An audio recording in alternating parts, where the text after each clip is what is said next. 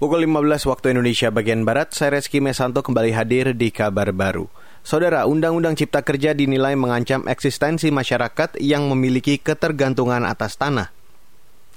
Sekjen Aliansi Masyarakat Adat Nusantara atau AMAN Ruka Sombolinggi beralasan, Kemudahan penanaman modal mendapatkan izin investasi bisa juga dengan mudah mengusir penggarap lahan, termasuk masyarakat adat, petani, dan nelayan akan begitu gampangnya kemudian perusahaan-perusahaan ini gitu masuk dan mengatakan kepada masyarakat adat, kepada petani, kepada nelayan bahwa kau harus pergi dari sini karena ini sudah menjadi tanah saya karena saya sudah mendapatkan izin. Jadi menurut saya 70% bahkan 90% yang akan kena dampak dari uh, undang-undang ini itu adalah gitu rakyat Indonesia yang tergantung atas tanah apa pun itu uh, levelnya.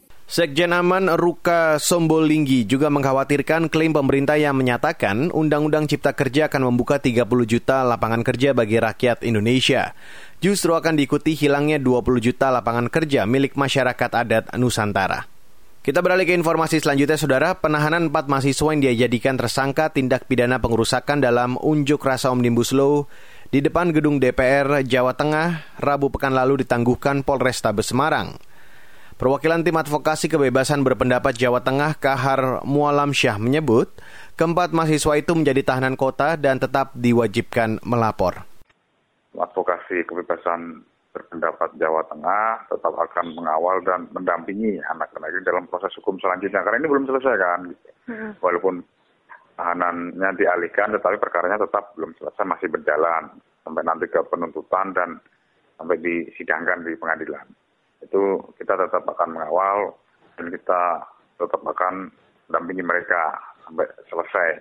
Karena itu kan komitmen kita dari awal ketika uh, menyambut baik ya, menyambut baik pihak Kapolres, eh, pihak Polrestabes Semarang yang telah setidak-tidaknya mengalihkan penahanan dari tahanan rutan ke tahanan kota itu adalah ya kita mengapresiasi lah ya, kita menyambut baik. Perwakilan tim advokasi kebebasan berpendapat Jawa Tengah Kahar Mualam Syah menyebut, kepolisian melanggar undang-undang tentang HAM serta undang-undang tentang kemerdekaan menyampaikan pendapat di muka umum karena menahan empat mahasiswa.